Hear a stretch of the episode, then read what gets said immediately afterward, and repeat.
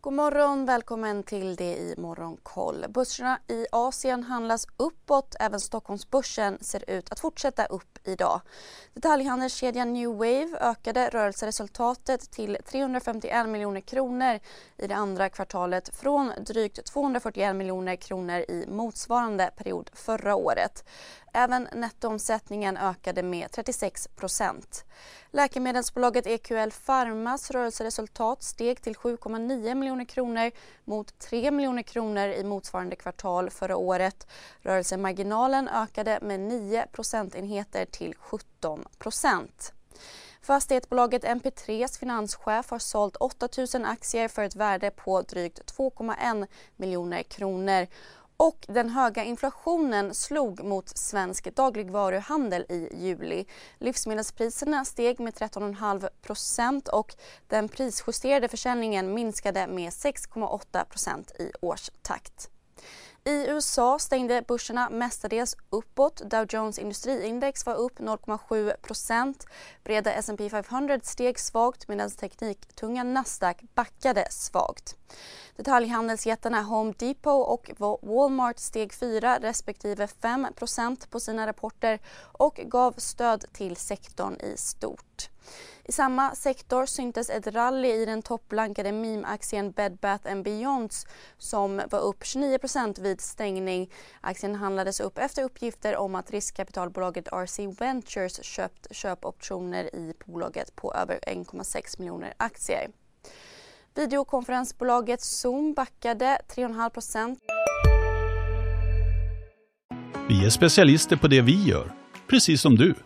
Därför försäkrar vi på Swedea bara småföretag, som ditt. För oss är små företag alltid större än stora och vår företagsförsäkring anpassar sig helt efter firmans förutsättningar. Gå in på swedea.se företag och jämför själv. efter en säljstämpel från City som hänvisade till växande konkurrens från Microsofts team och en tuffare makroekonomisk miljö. Vidare har USAs president Joe Biden nu signerat sitt reformpaket på 370 miljarder dollar som innehåller satsningar på vård, energi och klimat. Samtidigt har den kända Trump-kritikern Liz Cheney förlorat i republik Republikanernas primärval i Wyoming vilket ses som en temperaturmätare på före detta presidenten Trumps inflytande. I Asien stiger Hongkongbörsen, Shanghai och Shenzhen närmare en halv procent. Den kinesiska matjätten Meituan återhämtar sig närmare 4% efter raset på runt 9% igår då techjätten Tencent meddelat att de ska sälja majoriteten av sitt innehav i bolaget.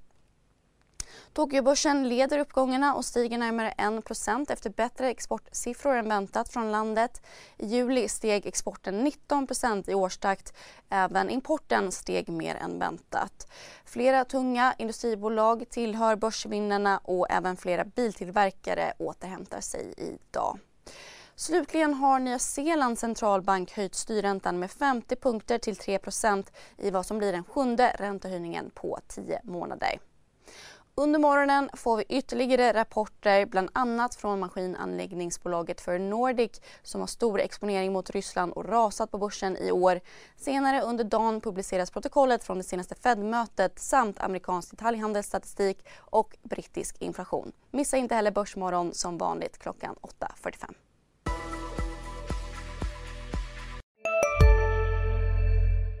Med en värld i gungning blir det viktigare än någonsin med kunskap och diskussion. Att värna det fria ordet, för livet och demokratin. Så när du trodde att du visste allt, har vi alltid lite till. Privata affärer plus allt. All journalistik du behöver, samlad. Prova en månad gratis. I de sekunderna när jag är i luften så är det en kamp på liv och död.